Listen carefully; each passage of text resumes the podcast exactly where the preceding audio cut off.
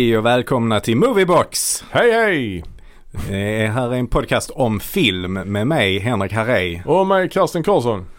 Och idag så ska vi prata om den nyligen avlidne skådespelaren Brian Dennehy. Just det, han gick bort här förleden. Han var i 80-årsåldern när han gick bort. Så att... Eh, Av naturliga orsaker ska man eh, säga också. exakt, exakt. Det var inget corona-relaterat. Nej, just det.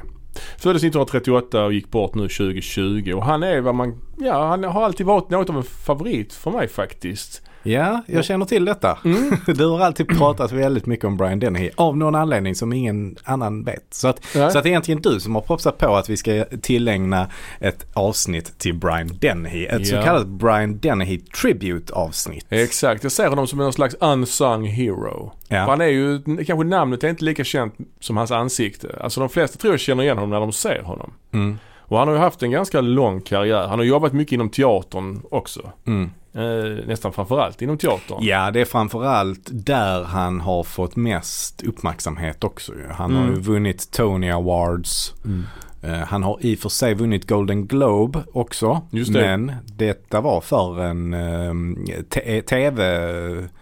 tv-filmatisering av en teaterpjäs. Eugene O'Neill va? Ja, Just det. en handelsresandes död. Ja, han är en stor Eugene, eller var en stor Eugene O'Neill-tolkare.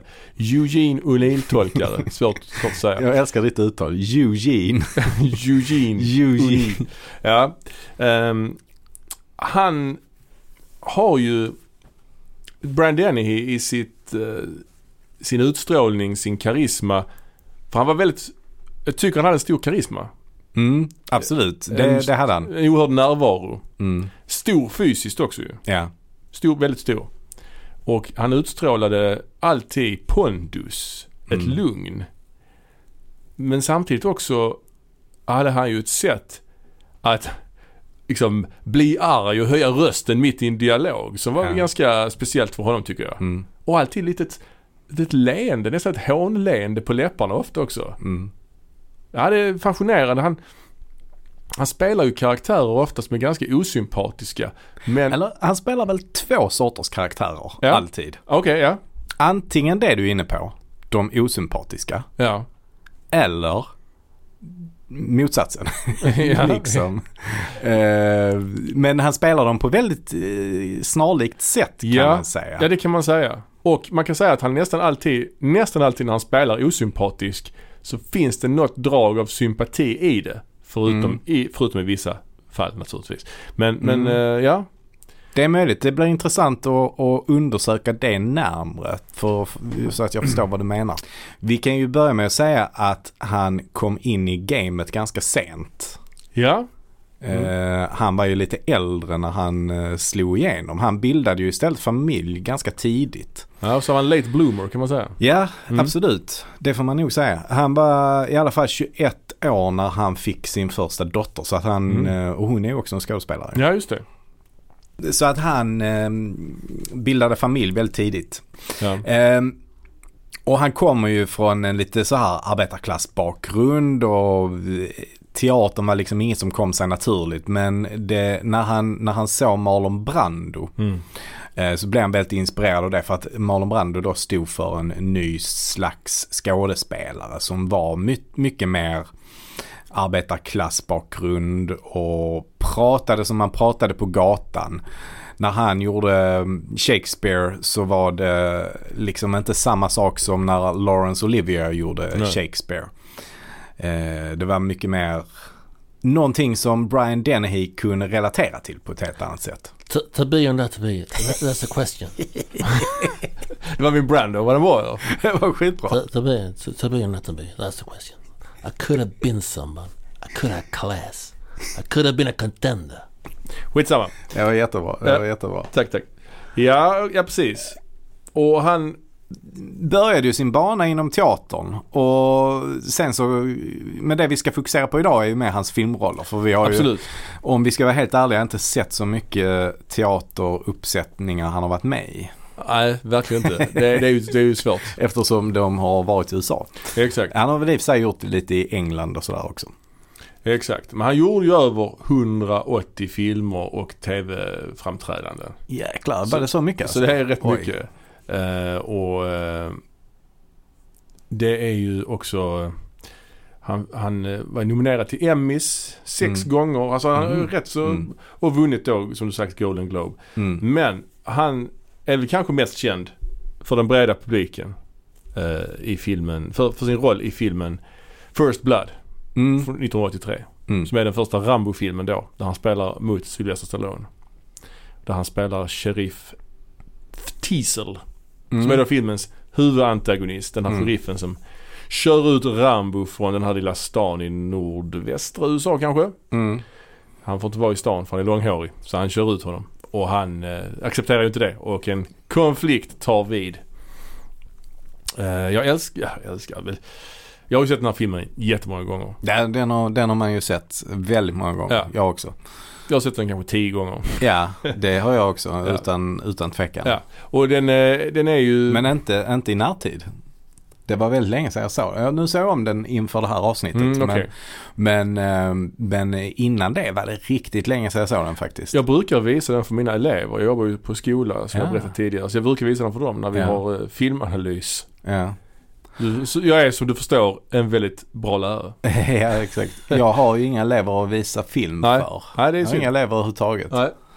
Eh, så jag visar bara film för mig själv och ibland min sambo. Ja, men, men just den här filmen, första Rambo-filmen då. Den är ju, Mm. det, det, det, det som är, vad ska man säga, den gemena uppfattningen om den är att den första, den är bra. Mm. Och den är ju rätt så bra.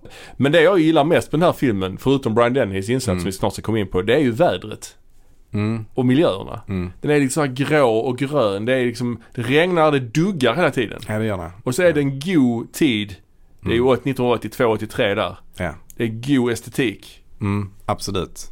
Nej men den är, Det är ju den här Stranger Things-eran så att säga. ja, ja det är riktigt bra tycker jag. Ja. Just det här duggregnet. Ja, det är också att, att Rambo i den här filmen är ju ingen övermänniska som han är i de andra filmerna. Nej visst, absolut. Alltså, mer eller mindre. Visst, han gör vissa ganska otroliga saker men Ja, det är det jag menar är lite ostigt när han åker motorcykel på bakhjulet och sånt. Det är lite, tö- alltså det är lite, Ja. där liksom skiner den här action kliché Mm. grejen igenom.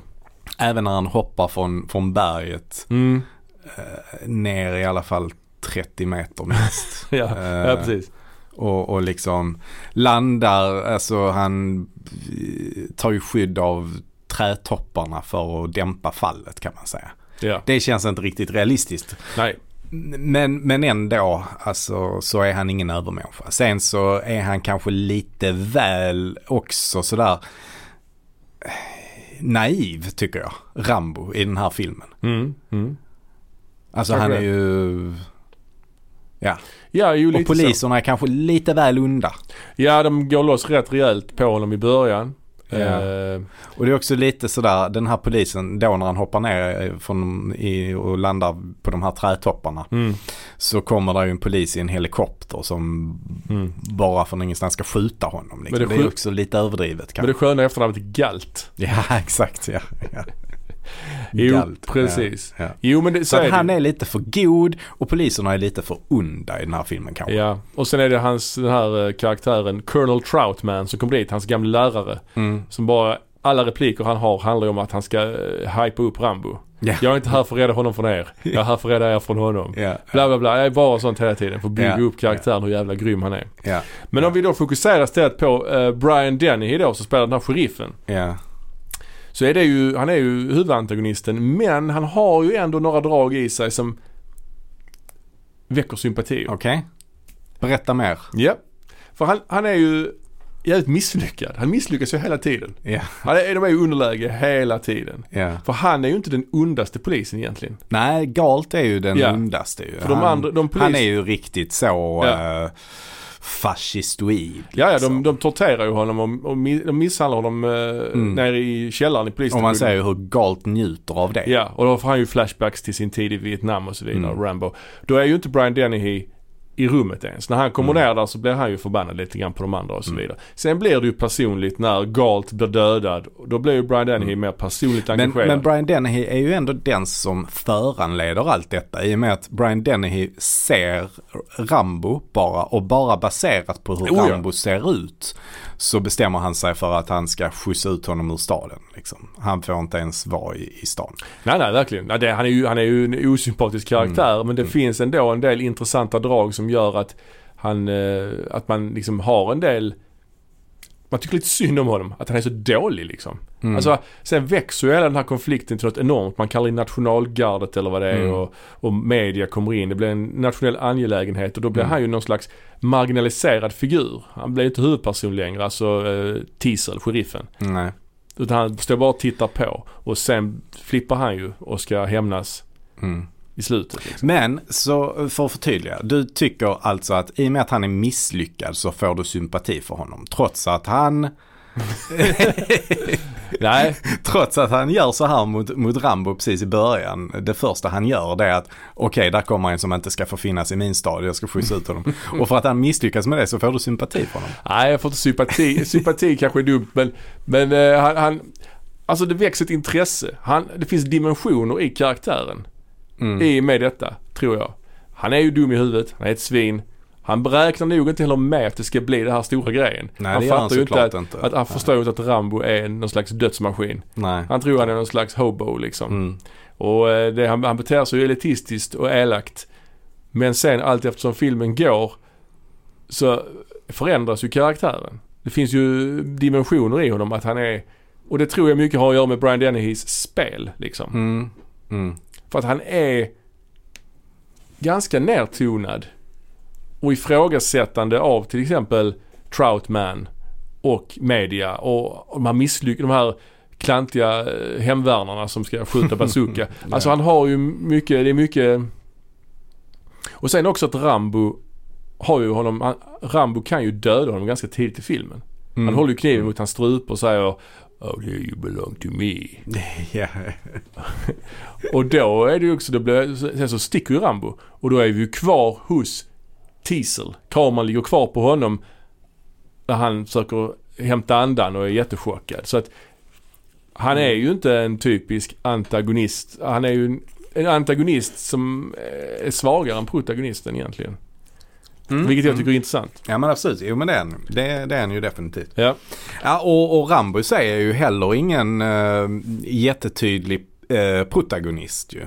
Nej, Han nej. är ju verkligen definitionen på en antihjälte. Men, men om man jämför, alltså om vi tar antihjälten då som begrepp liksom. Mm, Så mm. En, av, en av de mest kända exemplen på det är ju kanske då Clintan. Ja. I, både i hans cowboysarfilmer och i Dirty Harry-filmerna. Ja. Liksom.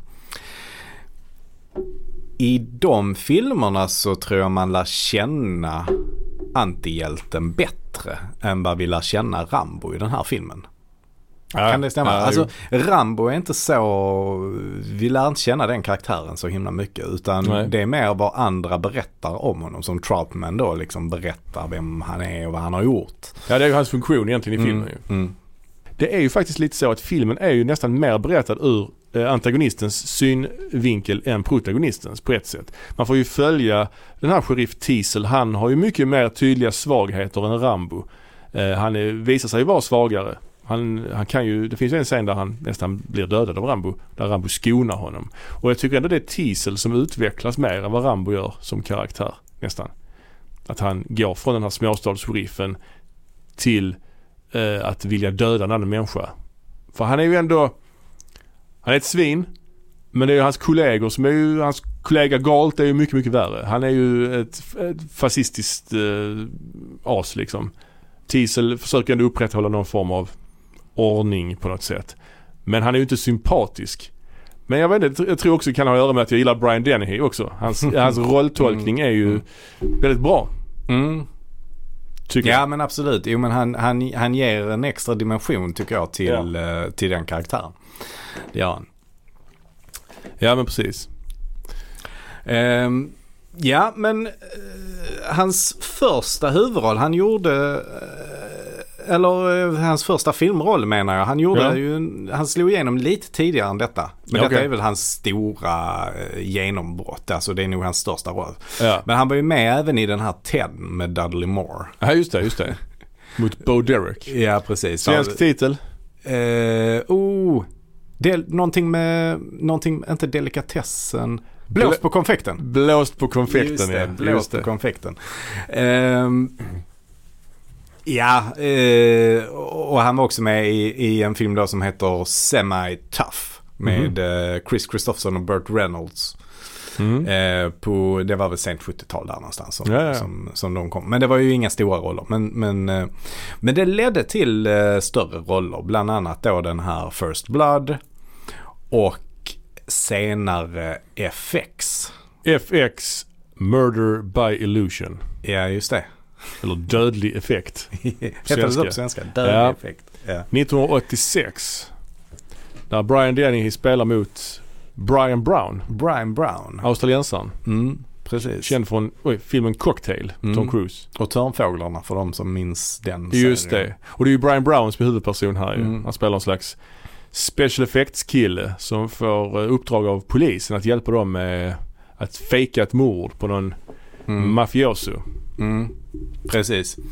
Eh, och eh, det här, alltså eh, Brian Dennehy kom ju in i filmen rätt sent. Ja, för den här Brian, Brian Browns karaktär, Rolly, eller vad han heter, han blev ju framad Ja. för det här.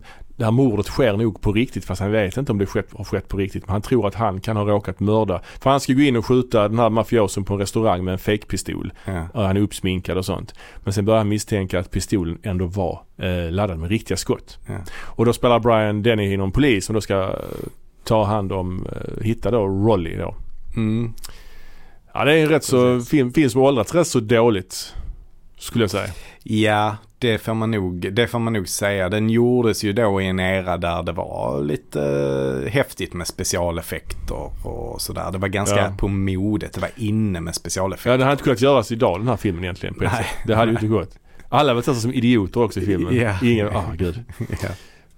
Och repliken Son of a bitch. Den sägs nog 50 gånger. Inte minst Ja. av Brian Denny Ja. faktiskt.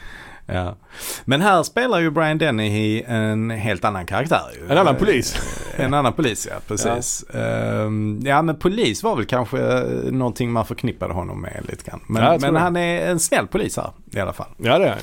Ehm, men fortfarande med, med mycket pondus och Mhm. auktoritet. Verkligen. Han... Eh, och han eh, börjar misstänka att någonting är fel. Mm. Och han går in i datorsystem och det är, det är PC-datorer har svart skärm med gröna siffror. Ja den är... Den är Och så charmar han en sån eh, sekreterare. Ja det är ju på gränsen också. Han kysser henne när hon har hittat ett namn i datorn och sånt. Ja, ja. Och nu ska vi åka till Hawaii du och jag och sånt. Ja, Nej ja. jag vet inte. Ja. Eh, nej men jag minns ju denna filmen när den kom. Eh, Mm. Och den, man tyckte det ju, den var väldigt bra då i alla Ja. fall. Eh, men som du säger, den har åldrats på ett mindre bra sätt. Låten i eftertexterna är rätt så känd ju. Mm, It's just an illusion. just det. Ja. Ja. Och det är en sak jag la märke till i eftertexterna är att det är jättekonstigt att alla karaktärer som är med i filmen får varsin eh, helbild. Så till exempel Brian Brown han, han liksom en bild på honom och sen bryter han liksom karaktär och tittar in i kameran. Mhm. Och så gör alla det, även han den onde mafiosen. Han står och skjuter sen så bara tittar in och ler i kameran. Men man får inte, det står ingen namn. Alltså Nej, där tänker man okej. att bilden ska frysas och det ska stå Mm. Brian Brown som Rolly. Men det gör det inte. Utan det är bara så här konstiga stillbilder. Jättekonstigt. Ja. Ja. Ja. Eh, ja, FX. Vad hände sen i Brian Dennehys uh, karriär? Eh, ja men en annan stor film han var med i, det var ju där på 80-talet, var ju Cocoon. Just det, Cocoon. Ron Howard. Ron Howard-produktionen, ja, Ja. precis. Med eh, Steve Guttenberg Just det. och då eh, Tony Welsh. Raquel Welch dotter. Just det. Men Eh, inte att förglömma Don Ameche. Exakt. Oscarsbelönad för den här filmen. ja, ja. Don Amici som vi känner ju till från eh, bland Ombytta annat roller. Ombytta roller. En av bröderna där ja, framförallt. Och sen också Hume Cronyn eller vad han heter och Jessica Tandy är väl också Ja. med. Ja. De är ju var ju ett äkta par på, på riktigt också. Jaha. Hume tror jag. Hume. H-U-M-E tror jag han heter i förnamn. Okej. Hume Hume. Cronyn Ja, ja. och Jessica Tandy. Som vi, Jessica Tandy känner vi till ju från Driving Miss Daisy och Ja. Fried Green Tomatoes bland annat. Mm. Vad handlar den filmen om då? Jo, eh, vi, vi, eh, vi har ju, eh, vad ska man säga, tre olika eh, grupper av karaktärer här som vi kan gå igenom. Vi har, vi har då de här lite äldre människorna som bor då på ett eh, ålderdomshem helt enkelt eh, i Florida. Det. Jag gissar att det är Florida, jag är inte helt hundra. Det är väl alltid det. Ja, Tänker. Man, tänker, man tänker sig det.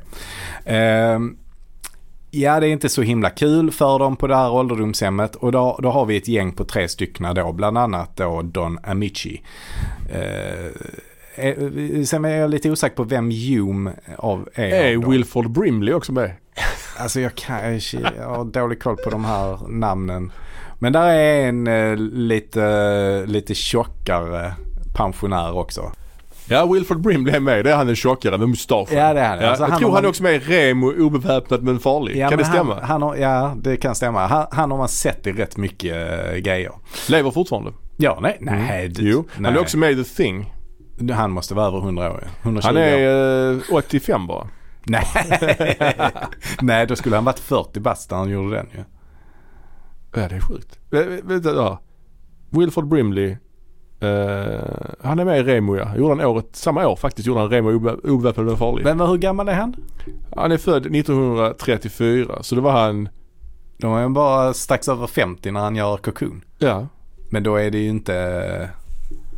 Han Ja. spelar Ben Luckett. Ja, ja men vi, vi lämnar det åt sidan så länge. Då är han nog förmodligen inte en av pensionärerna då. Ah, okej. Hume Cron, Cron, Cronyn, eh, född 1911. Ja, Lite äldre. ja. Och Don Amici? Don Amici, eh, låt mig se, eh, Spännande. 1908. 1908, precis. Eh, I alla fall, eh, de bor på ett ålderdomshem och eh, har, de är rätt så uttråkade med det. Ja. Och vi får också säga att de eh, har mycket eh, ålderskrämpor som folk i den åldern har. Mm. Men i alla fall, de smyger iväg och in i en eh, villa som står tom som är granne med deras eh, hem då. Och där finns det en pool och där smygbadar de med den poolen. Det tycker de är jätteroligt. Ja. Så det är deras lilla så eh, hemliga nöje. Det är inte nakenbad va? Nej, det är det inte. Nej. Det är de här tre gubbarna. Det är en familjefilm. ja, det är, det är verkligen en familjefilm. Det är Ja. Ron Howard ju för Ja fan. för fan, ja just det. Ja. Mm. Eh, och då i alla fall eh, parallellt med detta så får vi då introduceras till Steve Gutenbergs karaktär och han har en båt som han eh, hyr ut till turister. Han eh, liksom guidar dem och eh, kör ut med dem och så får de eh, fiska lite från båten och ja, titta på delfiner och ja, sånt man gör eh, på semestern i Ja. Florida. Ja. Eh, det verkar dock inte gå så himla bra för honom eh, så han har lite ont om eh, stålar. Och då från eh, ingenstans så kommer eh, fyra personer då ledda av Brian Dennehy och de vill, berättar att de vill hyra hans båt i 27 dagar. Oj. Och det blir han ju såklart överlycklig av och tycker det är superbra. Eh, så att han eh, kör ut med, med dem på båten och då eh, går de ner och dyker och gör någonting. Han, det är lite mystiskt vad de håller på med. Men de, de tar upp föremål på båten som de paketerar in. Eh, vi vet fortfarande inte riktigt vad de eh, sysslar med. Och sen visar det sig också att de köper det här huset som pensionärerna smygbadar i. Eh, och där lägger de då i de här eh, föremålen de har hämtat upp från havets botten. Eh, vi vet fortfarande inte riktigt vad det är. Det ser ut som stora stenar som är liksom betäckta med alger och koraller och sånt där. Mm. Hav, från havsbottnen. Inte koraller kanske men, men Ja. alger och sånt i alla fall. Skärgräs. Ehm, ja och eh, sen så när pensionärerna smyger sig dit så får de en, eh, en väldig livskraft av att bada i poolen. Just det. Och det, det kommer man då fram till att det är de här kokongerna då som gör det. För då, um, Ja. det är ju kokonger. Det är som ungdomens källa lite grann. Ja, Stort precis. med, stort med kokonger på 80-talet. Ja, det var det. Jag tänker på eh, Gremlins. Ja, precis. Flugan Och kanske? Alien. Ja. Ja, det är mer ägg i och för sig. Ja, det är Men, det. men ändå. Mm. Det är samma härad. Ja, det är det. Eh, ja, det Aliens visar sig då. i alla fall att eh, Brian Dennehy och Tony Welch och eh, ytterligare två, det är de här då som hyr båten, de är ju då eh, utomjordingar eh, som har kommit till jorden för att plocka upp då deras kompisar som eh, förvaras i de här kokongerna. Och, det, och, och de här utomjordingarna, de ser ut som, de lyser va? Ja, de lyser. De är, ja, de ser ut som den här, den här typiska bilden man har av utom, utomjordingar med stora huvuden och smala kroppar, Jaha. smala lemmar liksom. Fast de skiner och lyser. Ja, fast de skiner och Ja. lyser. Ja. Ja, men, det. men det är det här stora ögon. Ja, du vet hur den Ja, ja, typiska sån- alien ser ut Ja, liksom. ja Alltså, som i närkontakt tredje graden typ. ja, Alltså, precis. En så kallad grey kallas de väl? Ja, Grey, just, Ja, det, just ja. det. Stora ögon, Ja, liten svarta. mun, stort huvud, Ja. smala kroppar. Liksom. Den här filmen, Cocoon, jag har inte sett den på jävligt länge men det känns som en ganska problemfri film. Är det ingen Ja. problematik i den här filmen alls? Jo, men den tar ändå upp eh, rätt så mycket sådana här teman som, alltså, vad ska man säga, utanförskap. Där är ju, Mm. där är liksom en pojke då som är eh, barnbarn till en av de här eh, äldre på, på hemmet. Eh, och hans morfar då är hans bästa kompis. Han har inga kompisar i skolan riktigt. Och det handlar, en stor del handlar ändå om deras relation med varandra. Mm. Sen handlar det också mycket om åldrande och om döden och så också. Så att det Ron Howard gör här är ju då att han blandar det här ganska tramsiga som Steve Gutenberg står för, det rent komiska. Det är ju mycket med att han skadar sig och du vet, alltså slapstick. Eh, och Steve Gutenberg han, han, eh, det känns som han står för en viss typ av eh, comedy tycker Mm. jag. Ehm, Känd från polisskolan ska vi säga. Ja, Tre män och en baby. tre män och en baby. Mm. Tre män och en liten flicka heter hon så? Ja, en liten tjej kanske. En liten tjej Ja, vad skulle du säga mer? Han står för det komiska och... Ja men han står för det komiska och det, och det, och det är lite mer tramsiga. Ja. Eh, och sen samtidigt så har vi den här eh, science fiction aspekten som ju också var väldigt stor vid den här Ja. tiden. Alltså med tanke på närkontakt på, av tredje graden, ET och, Ja. och lite sånt. Ja, visst. Ehm, och sen har vi då de här lite mer allvarliga eh, temana med, med eh, åldrandet och de, alltså det är någon som får reda, någon av de här gamlingarna som får reda på att de inte har så många månader kvar att leva eh, Mm. och så. Vad säger du om Dennys karaktär då? Eller insats i filmen? Ja, men jag skulle nog säga att den är inte alls lika märkbar. Han gör inte lika mycket av sin roll som Nej. han gör i de andra filmerna. Han är ganska, ganska, alltså det är, inte, det är inte så mycket som sticker ut så det känns som att den rollen kunde gjorts av vem som helst skulle Mhm. jag nog ändå säga. Okej. Eh, Men det han bidrar med, som han alltid bidrar med, är ju sin fysik. För den, den är ju ändå lite speciell för honom. Ja. I och med att han är väldigt storväxt. Ja, verkligen. liksom. Sen kan man väl ändå säga att han har en slags värme också i den här. Alltså det är Mm. ju ingenting alls vi får se i First Blood ju. Nej, inte på det sättet. Men, men, men här är det ju kanske lite mer så. Ehm, och han är ändå fortfarande till viss mån auktoritär. Han är ju ledare för det här gänget med utomjordingar. Ja. Eh, men annars så är det väl inget som sticker ut i den prestationen skulle jag säga. Nej. Nej. Men det var länge sedan du såg den. sa Ja, ja, det finns en uppföljare också där han är med. Mm. Fast han gör det typ en cameo. Han har inte ens cred tror jag. Mm, nej, precis. Eh, men eh, ja, vi får väl kolla in. Mm. Du har båda eller? Jag har ju båda ja, eh, på en eh, dubbeldiskutgåva. Det känns verkligen som att Cocoon är relativt bortglömd alltså. Ja, Det är ändå ja, Ron Howard som har gjort den. Han ja, har ju så gjort ja. jävligt mycket. Han har alla hans- Splash. Ja. gjorde han i den här. Men det är ju en av hans tidigare filmer. Ja. Det var ju innan Ron Howard eh, slog igenom ordentligt kan man väl säga som, som regissör. Ja, ja. Eh, Och då, då gjorde han ju mycket komedier, alltså familjefilmer. Mm, Rätt så lättsamma filmer. Ja, detta, är ju det, detta är ju verkligen en sån. Liksom. Vi får köra ett Cocoon-maraton någon gång kanske. Se ettan och tvåan. ja, kanske. Ja. kanske. Men eh, Steve Gutenberg har ju sagt liksom att eh, man ska göra en reboot på Cocoon. Både, både på Cocoon och Polisskolan vill ju, vill ju Steve Gutenberg att man ska göra. Han ville det Ja, han vill det. Han Ingen annan det. Ingen annan vill. Men han, han menar ju på att det skulle bli uh, omedelbara hits. Jag tror att skulle man gjort om, jag tror skulle man gjort om Polisskolan idag har jag svårt att säga att det skulle bli en hit faktiskt. Ja, man får ju göra om det rätt rejält såklart. Däremot Cocoon. Cocoon, tror du det skulle bli en hit? Ja, det tror jag. Vem skulle spela till huvudrollen i en ny version av Cocoon? Eller ja. vilka gamlingar skulle vi ha haft? Ja det finns ju många. Morgan Freeman. eh, vad finns det mer för några? Clint Eastwood. Clint Eastwood har gjort sin sista roll, har han sagt. Jag har sagt många Ah, han, är, han är för gammal tror jag. Ja, han är ju 90 nu. Ja. Eh, vi har ju ja, men, eh, Jack Nicholson. Nej jag vet inte. Ja, nej, men alltså kanske De Niro. Jag vet inte. De Niro, Pacino, ja perfekt. ju. Alltså vad skulle du kunna köra med alla dem? Ja. ja det är klart. Det är Irishman-gardet. Ja, det. ja det är sant. Ja, ja bra.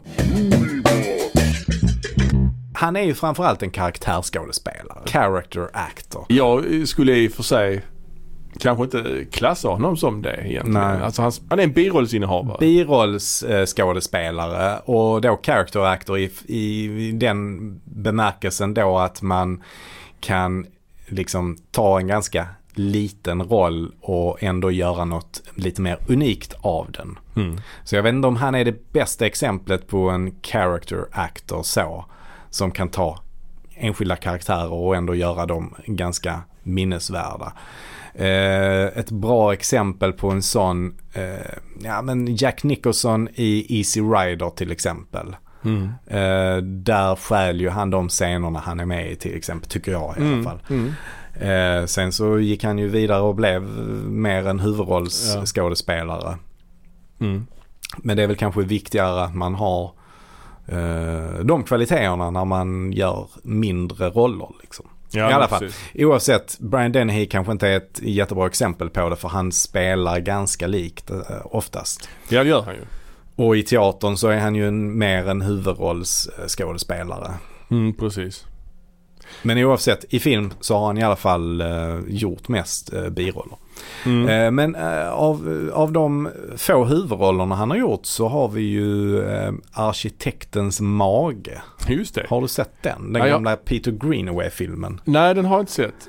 Jag har sett den men det var väldigt länge sedan. Så jag skulle faktiskt vilja se om den. Och det är ju udda att han väljer Mm, Peter Greenaway är ju en konstnär som började göra film.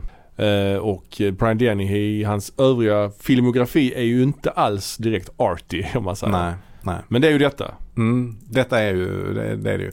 Och detta är ju också en av de filmerna han var mest nöjd med att ha gjort. Ja, jag Så kan att- tänka mig eftersom han kommer från teatervärlden också. Ja, ja. Ja. så att hans, eh, det han brann för det var teater helt enkelt. Ja. Eh, och det har han sagt i intervjuer också att det han gillar är ju själva arbetet innan, liksom där man utforskar rollerna och sånt. Så Mm. att det är ju det han har tyckt om. Men för att dryga ut kassan så skadar ju inte att göra lite film, filmroller också. Oh. Men det han, det han i alla fall har sagt är att eh, att eh, arkitektens mage är det som han är mest stolt över så liksom, och har Mhm. gjort. Mm. En annan stor roll han gjorde, det var ju uppföljaren till FX. Ja. FX 2. Ja, ja. The Deadly Art of Illusion. Heter det så? Ja.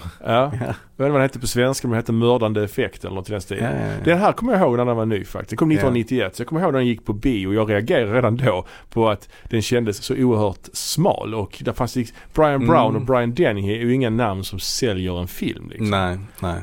Men det här är ju De samma... var inga flickfavoriter heller. Ja det kan man inte säga. Eh, och den är ju helt tokig den här filmen. Här går man ju loss ännu mer när det gäller vad man kan göra med specialeffekter. Det handlar om den här Rolly, effektmakaren igen, som då ska hjälpa polisen igen och få fast någon mördare.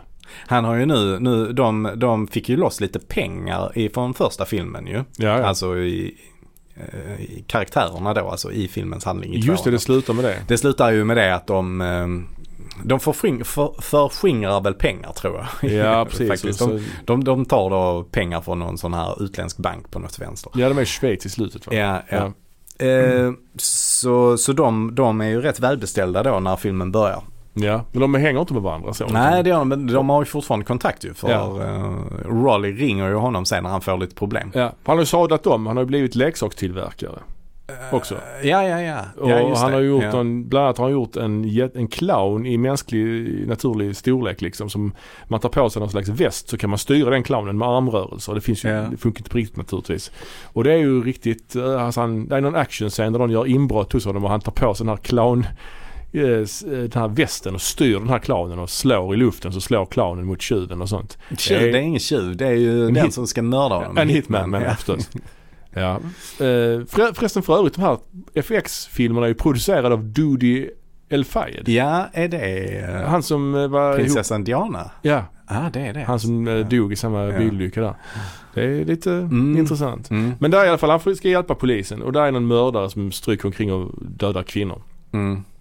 Så de ska göra någon slags setup och det är en kvinna som ska duscha. De ska liksom lura honom att vilja mörda en kvinna som duschar. Mm. Och det är så omständigt. De filmar, de filmar först en kvinna som duschar och gör någon slags green screen projektion med rökmaskin som ska se ut som vattenånga från duschen. Samtidigt som en, en manlig polis då klär ut sig till den här kvinnan med lösbröst med radio inbyggt i ena bröstet och sånt. Så att när mördaren kommer så ska han då övermanna honom. Ja. Varför Ja, har man det- inte, för det första varför har man inte en riktig kvinna som står och duschar? Och varför har man inte polisen gömd typ i badrummet som bara hoppar fram när han kommer in? Ja, det är så jäkla tokigt. Ja, det är riktigt tokigt, Eh, alltså. det, är, det är verkligen att eh, gå över ån efter vatten. Ja, det, här. ja. det sjuka är också att de ska liksom locka den här mördaren också genom att projicera den här Mm. videon ut, alltså Mm. på, på fönstret så att han ska från sin lägenhet se den här Ja. nakna kvinnan och bli lockad att Ja. gå dit och mörda henne. Alltså det känns bara så jäkla dumt.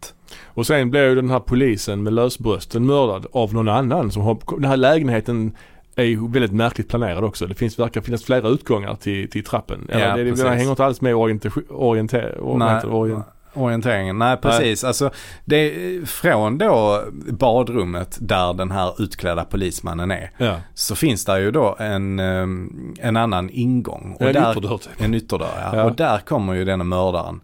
Eh, Den ytterdörren går ju bara ut till ett trapphus. Men det Ja. är jättekonstigt. Ja, alltså, ja, Så där kommer då denna mördaren och eh, dödar honom då precis innan eh, det här händer. Och Och, då- eh, po- då kommer ju polischefen in och mixtrar lite med mordvapnet där så att det ska se ut som att eh, polismannen blir dödad av den här mördaren som mördar kvinnan. Nu blir det vä- väldigt invecklat här men i alla fall. Mördaren som dödar polismannen. Polismannen är också för övrigt då... Ja. ehm, Rollys eh, flickväns före detta va? Ja, precis. Pappa till hennes barn. Ja. ja. Eh, så att ja, Nej, det där är, det där får man verkligen hålla tungan rätt i mun för Ja. att hänga med. Men Denny kommer in i filmen sen. För när Rolly, han börjar ana oråd och känner sig jagad. Mm. För han blev lite framad för detta också ju. Precis med första filmen. Ja. Och då eh, kontaktar han Brian Dennehy. Han är inte med så mycket i filmen här. Men, Men eh, Brian Dennehy gör ju en storartad entré i filmen. Ja, han kommer i bilen och bara öppnar. Han hänger någon slags brandtrappa och ska så stannar han med bilen under och säger hoppa ner här. Ja, och, och han kommer dessutom i någon sån här slags 50-talsbil som är helt upphottad. Ja, ja, ja. Eh, Som så keps. Han, ja, precis. han har en sån keps också ja. Ja, Vad är det, en sån Boston, eller vad heter det, Red Sox? ja det kan vara ja. Det kan det vara. Mm. Men han, han är ju filmens höjdpunkt. Ja, det är han ju. Alltså han sticker ju ut här alltså. Ja, Den här gör filmen är så kackigt klippt, ful Ja. ljussättning, lökig musik. Men Denny han är liksom, han omkring där. Dennehy, ja. Ständigt med ett leende på läpparna liksom. Med Mm. små medel gör han ändå stordåd. Alltså han, Mm. Just det här att han kan bli, han höjer rösten och blir förbannad. Och, Mm. sen har han också en, han bor ju typ i en bar. Ja. Han har en, a gin mill, ja. säger han. Ja, ja. Så han har inrett en, med alla pengarna har han byggt en bar. Som han, han bor där. Ja, Där kan han sitta och dricka hela dagarna. Ja. Ja det är perfekt. bra beslut. Ja den här FX2 den är riktigt tosig. Mm. Ettan är ingen höjdare heller men tvåan där går man eh, över alla gränser. Och den blev ju inte lika stor succé som ettan. Ettan var ju en sleeper-succé. Det var väl ingen som trodde att det skulle bli eh, så mycket av det. Men Nej. den blev ju ändå en, eh, en, eh, en mindre hit i alla fall på Ja. bio. Så att den, eh, den gick bra. Och det var ju därför man fick göra en tvåa också. Ja. Men sen gjorde Brian Dennehy kanske en av sina mest hyllade roller efter detta. Mm. När han var med i tv-miniserien To Catch a Killer 1992. Just En sån här VHS-film som man hyrde. Som Ja. var väldigt omtalad minns jag när jag var liten. Eller liten, nej, men då Mm. när man var yngre. Och har sett den? Den är skitbra. Och där spelar han ju då en verklig person. Han spelar ju den här seriemördaren John Wayne Gacy. Som mördade barn och var väl mest känd också för att han liksom var utklädd till clown när han gjorde detta. Är det den som Summer of Sam handlar om också? Nej det är ju David Berkowitz, Son, Ah, of ja. Sam heter han ju. Ja, ja. Så detta är en annan. Uh, Gacy levde ju fortfarande också när, när eh, denna Mhm, filmen eh, Okej. gjordes. Jag har faktiskt inte sett den här To Catch a Killer. Ja, Jag har ju sett den men det var ju 1994 Mm. liksom, 93. Alltså, jag vet inte. Ehm, men han blev Emmy-nominerad för den i alla fall. Och där spelar han ju återigen han gör sin grej, det här leendet på läpparna, ständiga, här över, den här pondusen. Men i det här fallet blir det ju väldigt obehagligt. Mm. Eftersom han spelar en, oh, här finns inga sympatier överhuvudtaget. Och här spelar han ju en, ja en verklig person som gjorde bestialiska, eh, ett otal bestialiska mord liksom. Eh, mycket, mycket, mycket bra insats här. Och det, den finns ju, det var, blev, en- var ju en miniserie så den är ju nog 3-4 timmar lång alltså. Ehm, sen gjorde han ju också en mindre roll i den här komedin med Chris Farley, den här Tommy Boy. Har du sett den? Ja, just det. Han spelar hans ja. pappa där ju. Ja. Han dör ju typ rätt tidigt i början av filmen men eh, det är Ja. lite kul. Där Ja. går han loss och dansar och sånt ja. i sin enorma kroppshydda. Ja, ja. Precis som Chris Farley också. ja, men det är kul. De är ju ändå rätt lika alltså. Mm, mm. På, på något sätt. Faktiskt. En av hans sista filmer var Farley. Han avled väl 97 någonstans va? Ja, precis. Jo, men det är nog Tommy Boy som är bland det sista han gjorde. Han gjorde den där. karatefilmen, den där Beverly Hills Ninja eller vad den heter. Ja, Eller som heter på Ja. svenska, Vild och galen i Beverly Hills. ja, ja, ja. Ja. ja. Bra titel. Ja, Chris Farley, han var, han var ju stor i slutet på 90-talet. I, först i Saturday Night Mm. Live. Ja, han var rolig. Eh, och, och sen eh, gjorde han ju en filmkarriär. Det var väl ungefär samtidigt med Adam Sandler tror jag. Ja och han eh, David Spade också, de var ju parhästarna. Och han är ju också Ja. med i den här, eh, Mm. både Tommy Boy och den här Black Sheep de gjorde tillsammans. Mm. Mm. Vad har vi mer på Denny annars? Eh, ja, det blev ju mindre och mindre roller för honom kan man väl säga. Eh, på 90-talet och framåt. Eh, men han fortsatte göra några filmroller om året. Eh, Ja. Ända fram egentligen till ända in på slutet. Ja visst. Eh, det sista jag såg honom i var ju en film som heter Tag. Mhm. Eh, som ju är en eh, komedi med, ska vi se vem är det som är med i den? Det är John Hamm är med i den. Jaha. Jeremy Renner är med i den. Också han som spelar tandläkaren i, i de här bakfyllefilmerna. Baksmällan-filmerna. Jaha okej. Vad är det nu han heter? Ja, det, han, han har varit med i amerikanska The Office också bland annat. Eh, den, den filmen handlar ju då om att eh, de är ett gäng vänner som, som spelar det här tag, alltså Mm. som det heter i USA på svenska. Kanske man översätter det med pjätt. Ja. Eller ta fatt. Ja ja. Alltså så att de, och, och då är det är ändå rätt, rätt underhållande. Inget mästerverk, absolut inte. Men rätt underhållande film. Jeremy Renner, Ja just det. det det är ju då han som, eh, ja han är med i Marvels till Ja, exempel. Hawkeye. Hawkeye i Marvel. Slog väl igenom i, i den i den här eh, krigsfilmen som, Ja, som heter Hurt Locker, just det. Eh, han är ju en ganska macho skådis liksom, så det är ganska Mm. kul att han är med i en komedi. Ja. Men i alla fall i den här filmen så eh, det unika är att han har aldrig eh, blivit taggad. Och da, de andra då i det här gänget, de, de gör ju allt då för att han ska... Eh, så att de ska försöka lura honom då på hans bröllop. Mm. De ska verkligen göra en sån plan för det. Och då i alla fall, Brian Dennehy är med i en väldigt liten roll här och eh, Ja. Spelar pappa till en av de här karaktärerna. En annan film vi glömde Mm. är ju Gladiator. Och då menar jag inte Ridley Scotts film. Utan jag Ah. menar Gatans Gladiator. Gatans gladiator. Och också tidigt 90-tal. Det känns Ja. som att eh, 92 också. Där spelar han ju huvudantagonisten. Det är en boxningsfilm Ja. med James Marshall, känd från Twin Peaks, och Cuba Gooding Jr. Ja. Eh, och eh, där är ju slutet i filmen så boxas han väl mot, där går väl Brian Denny i en slags boxningsmatch va? Ja, så är det. Han är någon slags gangster. Det var såhär bare knuckle också tror jag, utan Ja. handskar och sånt. Ja. ja, men han är någon gangster. mig. si- ja precis, han är sista bossen liksom. Mm, mm, Han gör också en av rösterna i filmen Ratatouille. mm, just det. Så det är ju kul. Det är kul ja. Han var, Alltså den där Gatans gladiator, den, eh, den filmen är ju konstig alltså. ja, ja det, det var en märklig film. Den, De, de spelar väl high school eh, elever ja, jag har inte sett som den är mycket på, äldre.